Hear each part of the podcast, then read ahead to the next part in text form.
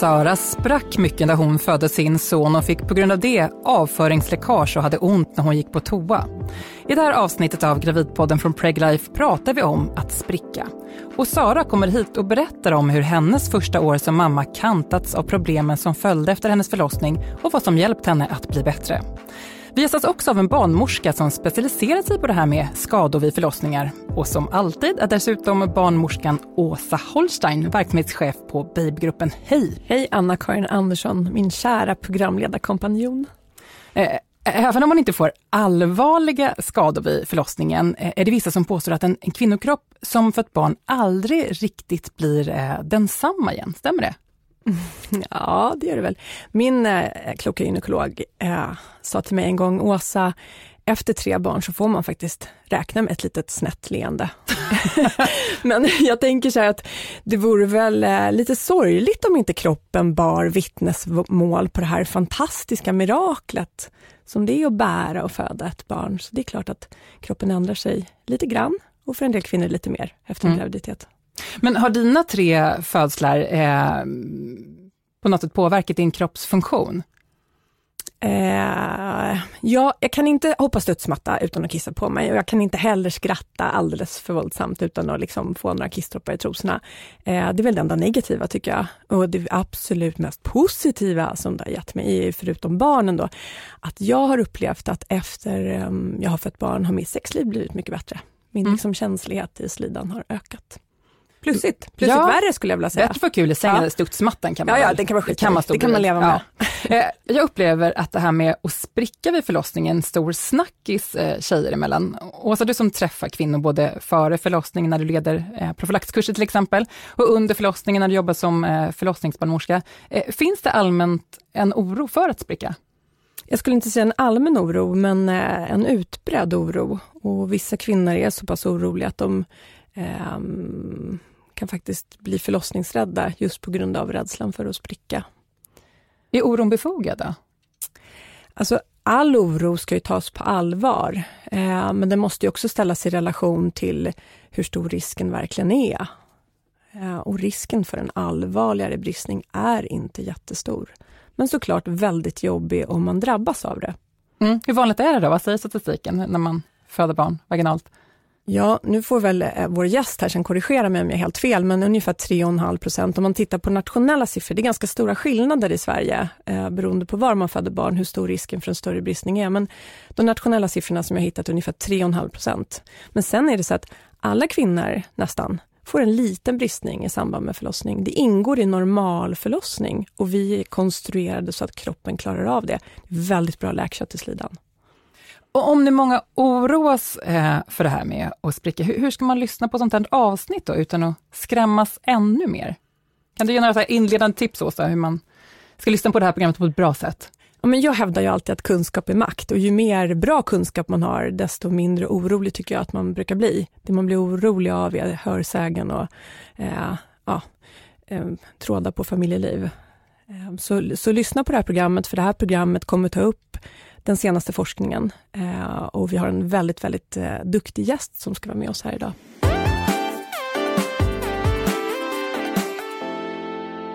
Mm, och vår gäst heter Sara, eh, som kommer hit alldeles strax. Eh, hon, hon sprack mycket när hon födde sin son och vi ska höra hur det påverkat henne. Men jag tänkte att vi först skulle beta av programpunkten Sant eller falskt. Eh, och här eh, radar jag upp ett gäng påståenden och du Åsa får uppgift att klargöra om de stämmer eller inte. Åsa, är du redo? Jag är redo. Om jag inte spricker kommer min förlossning vara så gott som smärtfri. Det är typ bara att gå sönder där nere som gör ont när jag föder barn. Sant eller falskt? Falskt. Tyvärr finns det inga helt smärtfria förlossningar. Jag kan själv påverka hur mycket jag kommer att spricka. Det skulle jag säga falskt. Det finns vissa saker du kan göra för att optimera chanserna för att föda lugnt och tryggt. Du kan till exempel gå profylaxkurs som jag håller i. Man kan öva andning, man kan gå på gravidyoga. Man kan hitta verktyg för att våga vara i födandet lugnt och tryggt. Jag kan spricka utan att själv märka det under förlossningen. Sant eller falskt? Sant. Ofta känns det faktiskt inte när man spricker för att barnets huvud står och trycker så på vävnaden i slidan att det är det där trycket från barnets huvud man känner inte själva bristningen. Jag fick sy ett helt gäng stygn efter första förlossningen, så det är klart att det kommer bli likadant när jag föder igen. Det skulle jag säga falskt. Eh, det finns däremot en liten risk att man spricker andra gången också. Det är klart att det finns en risk att man kan spricka lika mycket, men oftast inte. Eh, men spricker man så spricker man oftast där man sprack förra gången, för ärrvävnaden är inte lika eftergivlig som frisk vävnad. Och slutligen, sen förlossningen så kissar jag på mig när jag gympar. Det är inget att göra något åt. Det är falskt. Här kan vi göra mycket. Eh, knipkulor är perfekt att träna med och knipövningar för att stärka upp bäckenbottenmuskulaturen och på så sätt minska risken för att kissa på sig ofrivilligt. Då välkomnar jag dig nu till Gravidpodden, Sara. Välkommen! Tack. Tack. Berätta, hur, hur var din förlossning? Ja, den var som alla förstagångsföderskor eh, väldigt speciell eh, och chockartad. Eh, men till en början bra eftersom jag inte kände någonting fram tills de stack eh, hål på eh, vattenhinnan och då satte det igång. Och jag fick en chock. Eh, man hade ju hört om smärtor och sådär innan men det här var någonting som jag inte kunde föreställa mig innan. Eh, ja. Så du kommer in till eh, förlossningen, Åsa är med här nu som, som, som barnmorska, eh, och, det, allting flyter på egentligen som det ska. Du, du öppnas och det ja. ser ut att vara en helt eh, normal eh, förlossningsskede. Men, men sen är det någonting som, eller varför, vad är det som händer då? Så vad är det som gör att man sticker hål på? Ja, gör man det i ditt fall för att starta verkarna eller vad hade man för anledning till? Att... Precis, eh, jag var ju öppen nästan 10 cm utan att ha en endaste verk. Och så länge jag öppnade mig mer och mer och mer så lät de det vara så. Jag fick stå upp och gå runt i rummet och vara väldigt aktiv och så. Men till slut så eh, avtog det här öppningsarbetet och eh, de tog beslutet att eh, men vi hjälper till lite och sticker ihop på hinnan. Det kan ju vara ett sätt för att stimulera just verkarbetet. Jag tänker att du hade verkar fast att du inte kände dem. Annars säkert. hade du inte öppnat det till 10 centimeter. Ja, ja. säkert. Ja. Men... Eh... Vad är det som händer då, då när, när, det, när det sätter igång så att säga för dig, när de har... Ja men alltså, eh, mina ben vek sig. Jag stod upp och lutade mig mot eh, sängen precis efter Eh, de hade spruckit eh, hål på hinnan och jag kunde inte stå upp för det gjorde så ont. Och jag, jag tror sig att det har med att jag fick ingen smygande smärta som kom liksom successivt utan min smärta kom rakt pang på så jag blev chockad och rädd. Och egentligen bara på en gång kände jag vill inte vara här, jag vill fly rummet. Så att då följde några timmar med intensiv smärta, jag fick testa lustgas och till slut fick jag lokalbedövning där nere. Och sen var det dags för eh, kryssningsarbetet. och det var väl där det stötte på lite problem för att jag jag fick inte kontakt med, eh, med muskulaturen där nere så jag förstod inte riktigt hur jag skulle knysta. Jag knystade bara med eh, ansiktet. Så vi testade olika ställningar och den som funkade bäst det var att sitta på pallen. Och då blev det ett starkt tryck neråt som jag har fått förklarat efteråt i alla fall. Men det var liksom den enda ställningen som funkade för mig. Men ja, till slut så kom då min son ut vad händer eh, direkt eftersom mm, att din son har mm, kommit ut? Ja, men jag fick lägga mig på eh, sängen och han kom till bröstet och vi ammade och hade det mysigt och så. Och jag eh, kände ju ingenting där nere. Eh, det hade liksom inte varit någon smärta i öppningen. Eh, och sen eh, så efter några minuter så sa de, ja men du har nog eh, spruckit lite. Eh, och det är lika bra att ta upp dig på operation för där finns det bättre ljus. Så att det blir ett bättre jobb. Eh, och det är bättre att en läkare gör det här eh, istället för en barnmorska. Och då kände jag, åh nej, ska jag lämna min son här? Visserligen med eh, hans pappa, men ändå. Jag tyckte det var jobbigt och det var, det var nästan det jobbigaste och jag började gråta och tycka det var jobbigt och så. Insåg liksom inte riktigt vad det här innebar.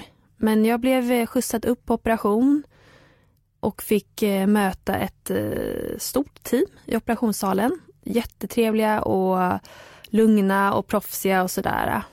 Och så fick jag ryggbedövning och sen satte de igång. Så tog det ungefär, ja, det var, jag upplevde det som att det var en lång operation. De höll på och jag frågade, ja, men nu måste ni ändå vara klara. Ja. Men nej, det var, de bara fortsatte, fortsatte. Jag var ju bedövad så jag kände ju liksom ingenting. Det var ingen smärta. Jag skulle inte säga att jag upplevde smärta någon gång där nere. Så att jag håller med vad ni sa tidigare. Det gör inte ont att spricka, man märker det liksom inte. I alla fall var det så i mitt fall. Mm. När eh, under den här operationen eller efter får du reda på vad ingreppet har gått ut på? Alltså när får du en förståelse för vad, vad de, det här teamet har jobbat med? Mm.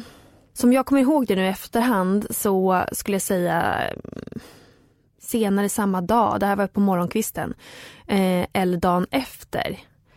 Jag var liksom inte riktigt mentalt där under operation eller det var ju så mycket annat som hände. Eh, och jag hade absolut ingen kunskap om hur man sprack, antal grader och sånt. Det kom, det här, jag, hade, jag sprack ju graden fyra. Eh, ni kanske kommer komma in på det senare men det, var, det är en omfattande skada där nere och det hade jag nog inte kunskap om förrän ja, en, två dagar efteråt. Så du är kvar eh, på BB med din man och din nyfödda son och så åker ni hem som vanligt egentligen efter eh, mm. ett par eh, dygn. Eh, vad får du med dig hem för typ av råd och mediciner med tanke på att du sprack? Jag fick eh, Alvedon i tablettform, eh, antagligen lite starkare än de som finns att köpa på apoteket och sen så laxeringsmedel för att det skulle vara lättare att gå på toaletten. Och sen så hade jag ju träffat en, om det var en sjukgymnast tror hon kallade sig, på BB som berättade om min, eh, om min spricka och eh, min skada och fick broschyrer hem eh, att läsa. Och sen så fick jag träffa barnmorskan som hade förlöst mig och så och berättade om det här. Så att eh, jag hade lite kunskap med mig när jag kom hem. Sen vet jag inte riktigt om egentligen det hjälpte mig eh, framöver. Utan eh, jag var upptagen av mitt barn helt enkelt. Det var det som var viktigast. Mm. Hur var första tiden efter förlossningen när du hemma var? Ja, alltså jag minns den som eh, ja, omtumlande som det säkert är för alla nyblivna mammor. Men eh, jag fick ju veta att det var bra att röra på sig även fast man hade eh, opererats. Så att eh, jag tog fasta på det och eh, försökte eh, gå korta promenader. Jag hade ju legat på BB då tre dygn. De sa att jag kunde åka hem efter två dygn men jag valde att stanna ett ytterligare dygn. Så att dag fyra var jag nog och tog en liten sväng i kvarteret. Men jag märkte att jag var inte redo för det. Alltså jag blev lite svimfärdig, blek i ansiktet och Eh, vid, vid den tidpunkten så var min mamma där så hon fick leda hem mig. Så, så jag var nog ganska drabbad eh, fysiskt utan att jag liksom riktigt hade koll på det. Det var ganska svårt att sitta och amma. Eh, jag hade inte koll på hur man låg och amma vid den tiden. Eh, så att eh, det gjorde ont att sitta. Mm. Eh, så att, och jag använde mig inte av någon sån här sittring och sånt. Det hade jag faktiskt inte koll på att man kunde använda sig av. Så att det var att sitta lite på sidan och sådär. Mm. Och hur var det att gå på toaletten? Alltså det var ju inte kul. De skulle se till att man skulle bajsa innan man eh, eh, skulle lämna sjukhuset. Så de ville se att det skulle kontrolleras, eh, att det skulle funka och så. Och det var ju jätteläskigt faktiskt. Eh, riktigt jobbigt. Det var flera försök innan det funkade. Men jag visste ju att jag hade fått laxeringsmedel så att det skulle ju funka liksom. Att det skulle inte vara för eh, jobbigt. Men vad är det som, vilken känsla är det när du sitter på toaletten? Är det att, smärtan eller på vilket sätt är det dels otäckt som du beskriver? Ja, men dels lite smärta. Eh, för att du, även fast du går på bedövning eller Alvedon så känns det ju lite. Men dels också den här rädslan att man ser, man kan visualisera att oj, tänk om stygnen spricker och det bara börjar blöda och man får göra om operationen. Eh, det var lite sådana tankar. Mm. Så man spände ju sig, absolut. Eh, du är upptagen med din eh, lilla son och som sagt, du försöker ha ett, ett normalt vardagsliv som, eh, som nyförlöst. Eh, när är det som du slås av att det kanske inte står rätt till och att du behöver kolla upp något? Vad är det som Ja, jag hade ju fått information eh, att i och med att jag födde i juni och i och med att eh, Eh, det var sommarstängt, eh, de hade i alla fall färre eh, personal på den avdelningen som eh, tar emot sådana här skadade eh, kvinnor. Så att jag skulle gå på återbesök eh, till hösten. Så att det gjorde lite att man liksom glömde bort det här, eller jag glömde bort det här. Eh, för det var ingen som påminde riktigt att, och berättade om eh, vad jag hade varit med om. Så att jag skulle säga att under sommaren så var jag väldigt upptagen av, eh, av det här nya livet. Eh, sen stötte jag på en bekant som sa att men jag har också en kompis som eh, sprack rejält och, och hon, hon mådde väldigt dåligt av det här efter ett tag och uppsökte psykolog och kände att hon behövde prata igenom det här. Men just vid den tidpunkten var inte jag införstådd med att jag också skulle komma dit att grubbla över det här och jämra mig över det här utan det var så mycket annat fokus. Men, men sen gick det en, en, två månader och det var väl i samband med att jag skulle på det här återbesöket då. Eh, så började jag tänka och sen så eh, under kontrollen så kände de att ja, men, det, du har väldigt svårt att få kontakt med bäckenbottenmuskulaturen och så pratar jag ju om mina besvär, avförings och urinläckage. Eh, ja mm. För de här problemen som du har när du precis har kommit hem från BB, det håller i sig. Eh, på vilket sätt eh, had, hade du under den här eh, tiden, mm, alltså hur yttrade sig dina eh, besvär, om du tänker lite längre fram när det har gått ett par månader? Mm. Jo, men man märker när man går på toaletten att det har blivit eh, läckage i trosorna. Det är ingenting jag märker riktigt. Och vid den tidpunkten så var jag inte så fysiskt aktiv. Jag gick promenader och så. Eh, men, och då tänkte jag att men det, här, det här hör till. Och hade ju fått det förklarat vid eh, förlossningen, att, eller efter förlossningen, att det här kan hända. Eh, och jag knep det lite men eh, jag gjorde de här knipövningarna som jag blivit ordinerad att göra. Men det var väl inte jättemycket för att jag fortfarande var skadad där nere så att jag tog det lite lugnt. Men de här eh, besvären visade sig hålla i sig. Eh, och jag började ju träna och ville komma tillbaka i form och så.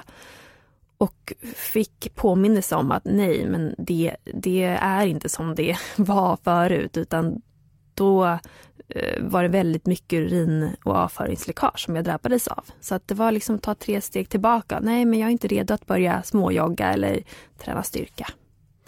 Efter den här efterkontrollen då som du eh, till slut gör, även om det eh, är fördröjt på grund av semestertider. Eh, hur, hur, hur, har du jobbat vidare med dina problem efter det? Vad, vad, hur har din vård och råd sett ut? Jo, men då blev jag ordinerad att liksom träna varje dag, de här knipövningarna. Och det är jättebra att gå på de här efterkontrollerna för att man får, man får en påminnelse. Eh, så att, och det höll i sig. Och sen så för mig så avtog det när eh, saker och ting kommer emellan. Men sen blev jag kallad senare igen efter kanske en och en halv, två månader till en läkare som gjorde en eh, noggrann kontroll av mig där nere. Och återigen så blev jag då påminn om, okej, okay, nej men jag måste knipa varje dag. Eh, och sen fick jag ett telefonsamtal av barnmorskor som påminner mig och allt det där var jätteviktigt för mig för att annars skulle det här falla i glömska faktiskt, att knipa. Mm. Nu är din son 11 månader. Eh, hur, hur mår du idag?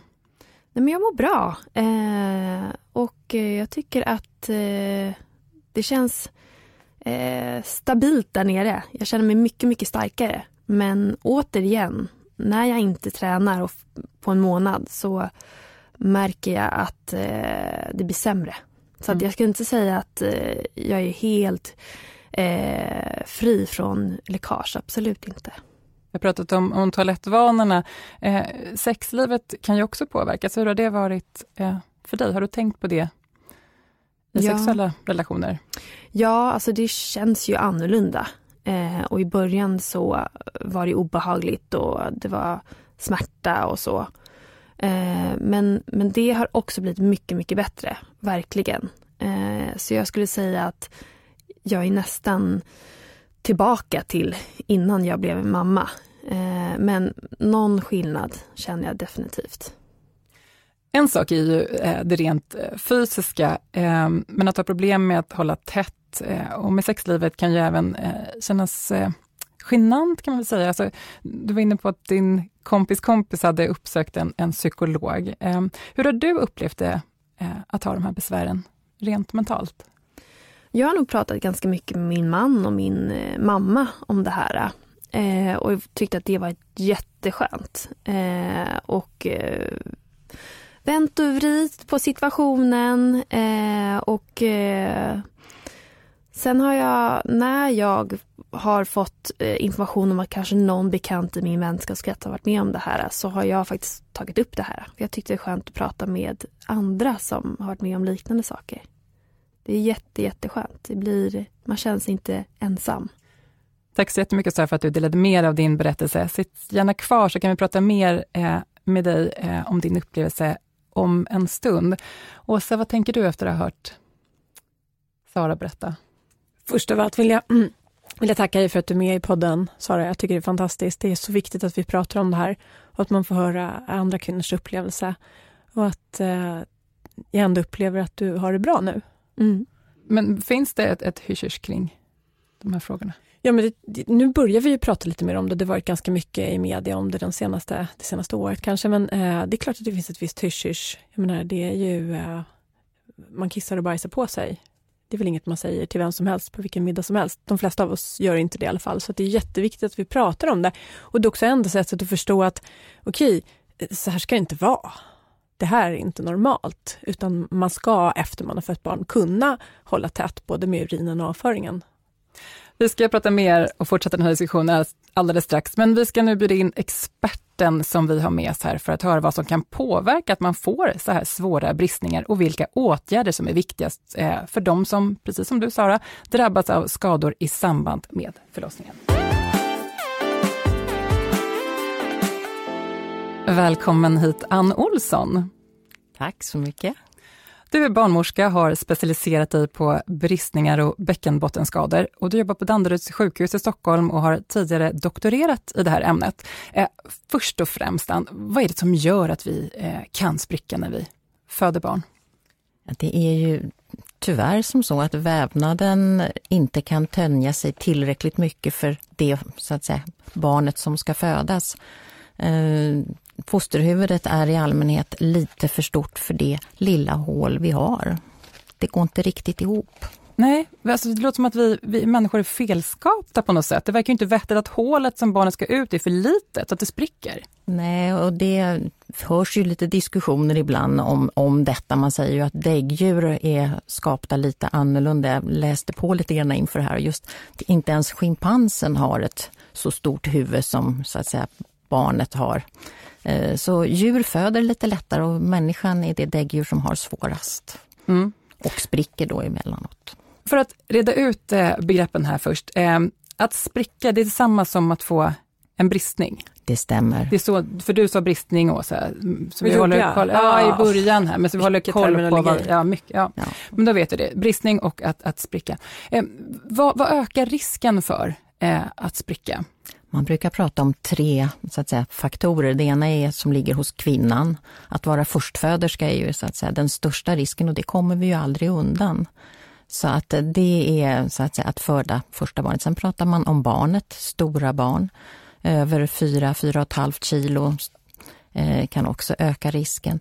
Och sen pratar man även om själva förlossningen. Om man har en väldigt kraftig förlossning, kraftiga verkar, man stimulerar med ett sånt här verkstimulerande dropp eller sugklocka, så att när det är för mycket kraft. Eh, och sen finns det flera anledningar, men man brukar dela upp det på kvinnan och barnet och förlossningen.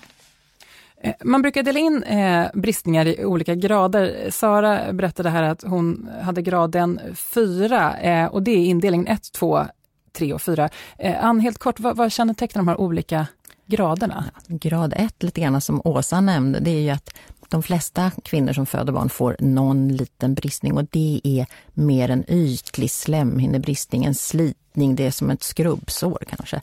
Många gånger behöver man inte ens sy, utan det läker utav sig själv. Sen har vi grad 2 och den kan vara liten eller väldigt stor eh, med stort muskelengagemang eller kanske inte så mycket. Så att de som har fått en grad 2-bristning de upplever många gånger att det var inte så farligt, de sydde lite kort. Och den kan vara både in i slidan och ner i mellangården. Och sen grad 3 och 4, då är det så att säga större del av den här ändtarmsmuskeln eller även en liten bit in i ändtarmsslemhinnan. Så grad 4, då är det muskler i ändtarmen framför allt och slemhinnan. Mm.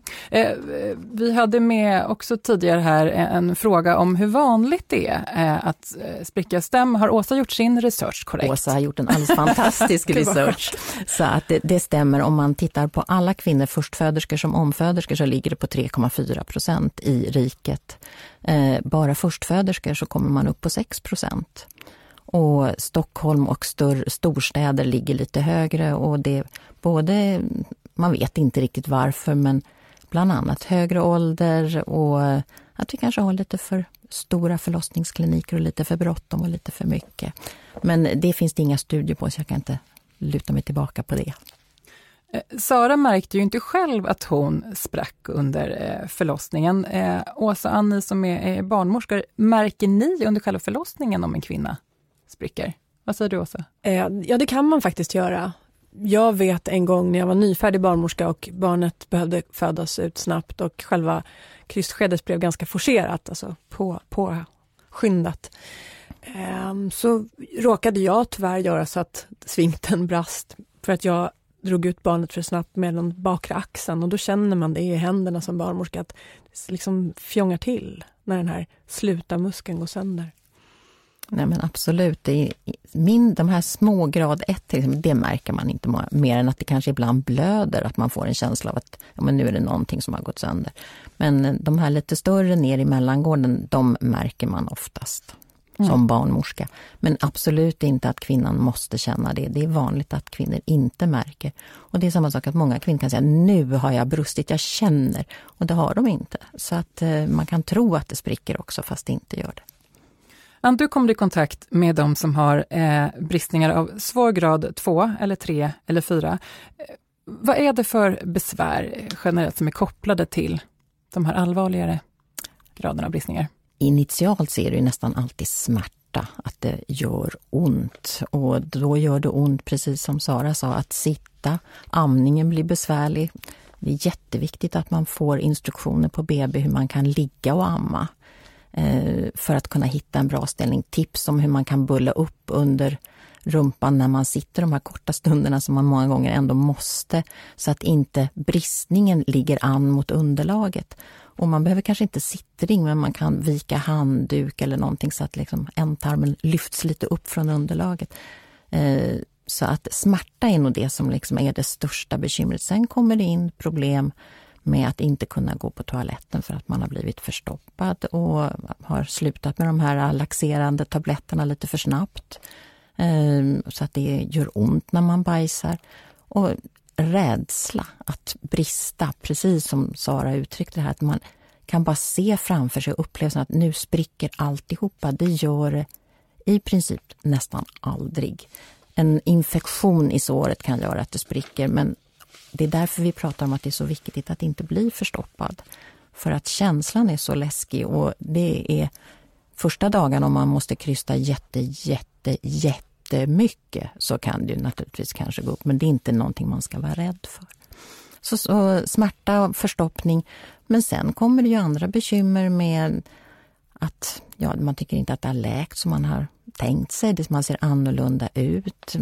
Det funkar inte att ha sex. Ja, man upplever sig trasig. Så att det finns ju många beroende på i tidsspannet. Men som sagt det allra första är nog smärta. Då kan jag bara tänka så Alvedon. Mm. Kan man inte få något lite starkare va? Och det brukar vi nog bjuda på. Ja, men jag känner det också, Alvedon. Ja. Ja. ja. Fast då kommer man in på, ger man kraftigare smärtstillande som har morfin så blir man trög i magen och så har man risk för förstoppning. Så vi har en sån här balans att hitta rätt. Men det finns bra smärtstillande som inte innehåller morfin. Så mer än Alvedon tycker jag absolut man ska ha.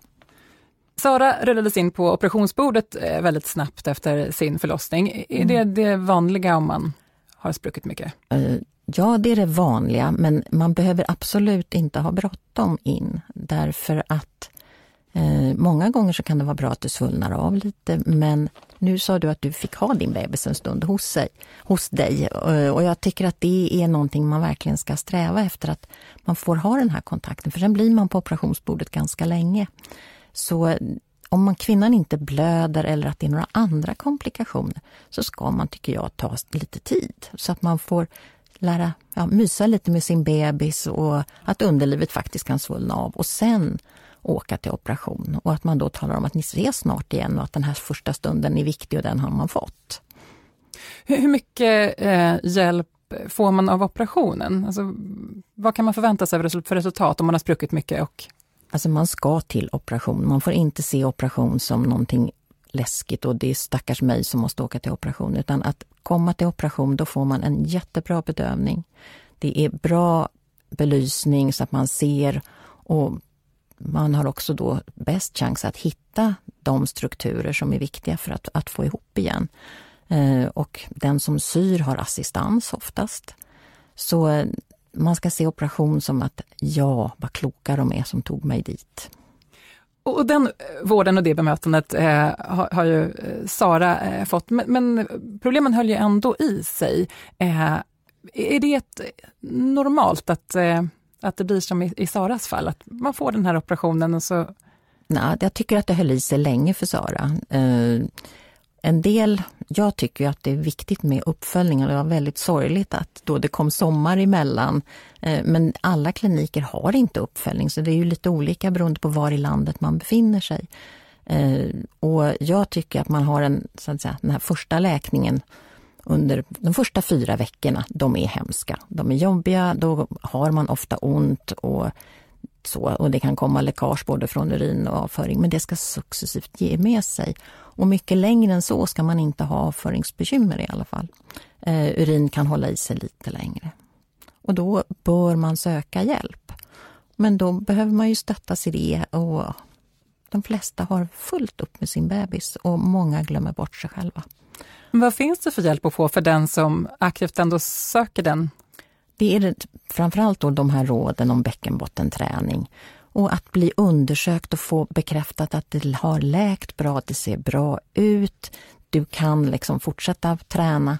Och ibland glömmer vi bort att prata om den här bäckenbottenträningen eh, på BB, eh, för man kan börja med den ganska så med en gång och gå utifrån om det gör ont. Gör det ont så väntar man någon dag och gör ont den dagen också så väntar man ytterligare någon dag. Men man ska inte säga att bäckenbottenträning ska du börja med om fyra, fem veckor, utan man ska börja så fort som möjligt. Där har jag förstått att det till och med underlättar läkningen, ja. eller hur? Visst stämmer det? Ja. Att om du börjar knipöva så snabbt du kan så påskyndar du läkningen. Precis, man ökar genomblödningen. Ja, genomblödningen i vävnaden. Mm. Även om man inte spricker så mycket så slår du ett slag för efterkontrollen, Ann. Varför är det så viktigt att gå på den som, som erbjuds eh, genom mödravården? Varför ska man gå på den? Därför att för det första så är det någon som tittar på underlivet och pratar med en om vad som har hänt och även om man inte har brustit så mycket så kan man ju av förlossningen ändå få, man kan få nervskador, man kan få problem med urinvägarna för att det har varit en långdragen förlossning. Så att bristning är ju inte det enda skälet till att man kan ha bekymmer. Då kan man fångas upp på mödravården. Och man blir också peppad till bäckenbottenträning. Så att eh, jag tycker att det är viktigt. Och likadant där, om det är så att det är en traumatisk upplevelse, man kanske faktiskt behöver prata med någon psykolog, att det är någon som fångar upp en. BVC är ju bra på det på många sätt, men inte alltid. Men efter att ha hört eh, det här och eh, Saras eh, berättelse, är det inte lika bra att tänka att man ska önska sig att bli förlöst med kejsarsnitt? Nej, nej det, det, tycker jag inte. Inte jag heller. Vaginal förlossning är fortfarande det absolut säkraste och Eh, det är ett fåtal som får eh, de här skadorna. Och få får ju bestående men som du har haft under en längre tid. Eh, man har jobbigt de här fyra första veckorna som han säger, men sen läker oftast det väldigt bra. Du får fullgod funktion igen. Och ett kejsarsnitt är ju fortfarande också en operation. Så att det är, och när man tittar på studier och så, så är det inte så att en hel del av de här besvären bara försvinner för att man gör ett kejsarsnitt.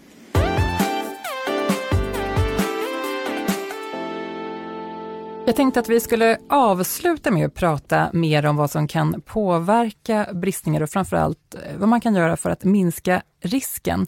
Eh, Sara, eh, du har ju i efterhand tittat på din förlossningsjournal mycket och googlat och sökt förklaringar på varför du drabbades. Eh, varför har du gjort det?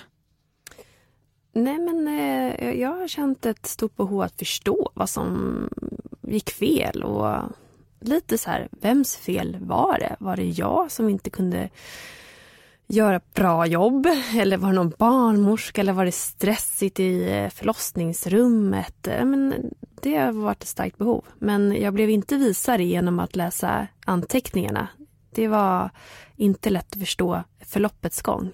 Mm. När du tänker tillbaka, vad är det, vad är det för tankar då som, som ändå slår dig, mm, utan att förstå de medicinska termerna? Är det någonting speciellt som har fastnat hos dig? Ja, så jag kommer ihåg att, eh, och jag spekulerar ju bara nu, eh, men jag vet ju att barnmorskan precis gick av sitt pass efter eh, min son eh, kom till världen. Och eh, hon var väldigt trött. Eh, och det andra teamet stod liksom och väntade på att hon skulle Eh, förlösa mig och jag kände att det blev en stressad eh, situation i rummet. Men det här kan ju bara vara mina spekulationer. Jag vet inte om det har påverkat i hur hon valde att eh, förlösa mig. Men, men dagen efter så kom hon upp till mig och hade lite ånger om hur det här gick till och sa själv att ja, men jag tänkte att vi kanske skulle gjort på det här sättet eller på ett annat sätt. Och jag har funderat väldigt mycket kring det här faktiskt. Mm. Eh, Åsa och Ann eh, som barnmorskor, eh, kan de på något sätt påverka om en födande kvinna får en bristning, eller är det bara naturens ojämlika villkor? Ni var inne lite grann på det här med hur situationen är i, i förlossningsrummet. På vilket sätt kan det spela in? Alltså jag tror ju att visst, vi kan inte få, vi kan inte ha nollvision, eller det, visst kan man väl ha en vision, men det kommer alltid att brista och vi kommer att få den här typen av bristningar. Men jag tror ju mycket på att man kan påverka och jag tror att man får inte släppa in rädslan på rummet eh, och inte stressen på rummet. Eh, jag tror att det är jätteviktigt. Men sen blev jag väldigt glad för det har ju kommit en ny eh, artikel och studie här om att man ska så att säga, ett långsamt framfödande och det bekräftar lite vad du säger eh, Sara, att det ska, huvudet ska framfödas så långsamt som, som är möjligt, att kvinnan är med och styr. Och är vi med och säger heja på och lite till och nu ska jag snart gå av mitt pass, ja det är klart då blir det ju mer forcerat. Och det var lite som jag sa från början angående de här sätten som är riskfyllt med förlossningen. Kraften, den ökade kraften. Och då kanske man tar i lite mer. Så det man förordar är att man ska släppa ut huvudet precis på slutet på verken för att det ska vara så skonsamt mot vävnaden som möjligt. Eh, när vi hade sant eller falskt inledningsvis så sa du nej Åsa på frågan om man själv kunde påverka, men gjorde ändå ett slag för att eh, förbereda sig. På vilket sätt kan det? Ja, men, det är ju det är väldigt lite du egentligen kan påverka.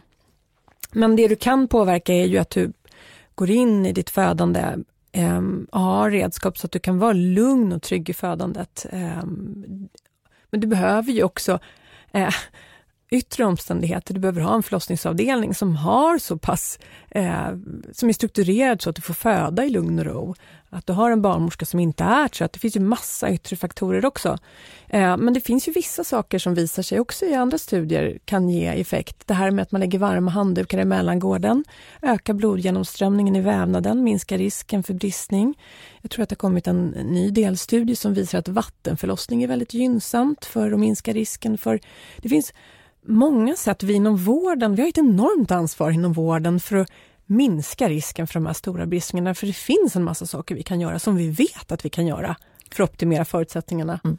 Och där kommunikation tycker jag då är ja. en av de absolut största sakerna. Men det finns barnmorskor som pratar om att jag håller aldrig emot men jag pratar med kvinnan. Ja. Och att pratar ut barnet, alltså så att, att vi kommunicerar ja. med varandra. Det säger det... också alltid det viktigaste, mm. att man verkligen har ögonkontakt. Att jag alltid som barnmorska jag måste ha med mig kvinnan. Och det får man oftast, men alltid går det inte av olika anledningar. Men då blir det bäst. Mm. Så det finns mycket saker vi kan göra. Men det här med att man inte kan göra så mycket själv, att jag sa falskt på det handlar också om att det blir ytterligare en sak man som kvinna då ska prestera. Nu ska jag också liksom förbereda mig och se till så att jag inte spricker. finns ju kanske få saker vi kan göra, men, men det mesta är liksom de omständigheterna som är under just, just den förlossningen just då. Mm. Eller hur? Mm. Ja. Vi har varit inne också på det här med att det kan vara genant att få problem med att inte kunna hålla tätt och inte kunna ha sex. Sara, du har ju varit väldigt öppen med din situation. På vilket sätt har det varit en hjälp för dig att våga prata om det som hänt dig? Nej, men jag tycker det är skönt att höra också när andra har varit med om samma sak och har samma problem. Då känner man sig mindre ensam och man vill ju aldrig känna sig ensam. Eh, sen så Sen har ju väl min personlighet med det att göra också. Att jag har inte problem att prata om sådana här saker utan det är väl mitt sätt att komma över eh, vad, som, vad, vad som har hänt. Att prata mig igenom det som är jobbigt. Han, vad är din bild? Finns det de som upplever samma symptom men som inte pratar om det? Det finns alldeles för många som inte pratar om det. det här, eh, vi har kommit längre vad det gäller urinvägar. Nu kan man faktiskt prata lite om att man kissar på sig. Det har blivit lite mindre tabubelagt, men att bajsa på sig, det är fortfarande mycket tabubelagt. Man pratar inte om det, det är pinsamt, det kan lukta, ja, man håller sig inne, man pratar inte med någon. Så det är beundransvärt, Sara, och det är helt fantastiskt att ha den här podden och möjligheten att komma ut eh, till fler. För att får man de här besvären så måste man söka, för det finns hjälp att få. Mm. Så eh, ja, jag tycker att det är fantastiskt, men de är alldeles för få fortfarande som vågar prata. Åsa, eh, slutligen, vad ska man göra eh, om man känner sig orolig? Jag slutar som jag började. Hur ska man eh, ta till sig av det här avsnittet efter att ha lyssnat? Förhoppningsvis känner man att man är lite lugnare för man har fått mer information och man har hört att det är ändå en ganska liten risk för den här riktigt stora bristningen som är grad 3 eller 4 då. 3,5 procent över hela riket om man tittar på alla som föder barn, vilket är ganska litet. Och få får ju bestående men. Så det är ju en, en skada som man kan i stort sett laga eh, med väldigt gott resultat. Eh, men eh, känner man tvärtom att man har blivit ändå räddare, ja men då måste man ju börja prata om det med sin partner, med sin barnmorska. Eh, och så får man hitta ett sätt att förhålla sig till den här rädslan helt enkelt. Tack så jättemycket Sara för att du kom hit och berättade. Tack också Ann Olsson, barnmorska och specialist på eh, förlossningsskador för att ni ville vara med här. Eh, och tack till dig, Åsa Holstein, barnmorska på Babygruppen och Gravidpodden från Preglife görs av produktionsbolaget Munk. Där sätter vi punkt. Tack och hej. Tack.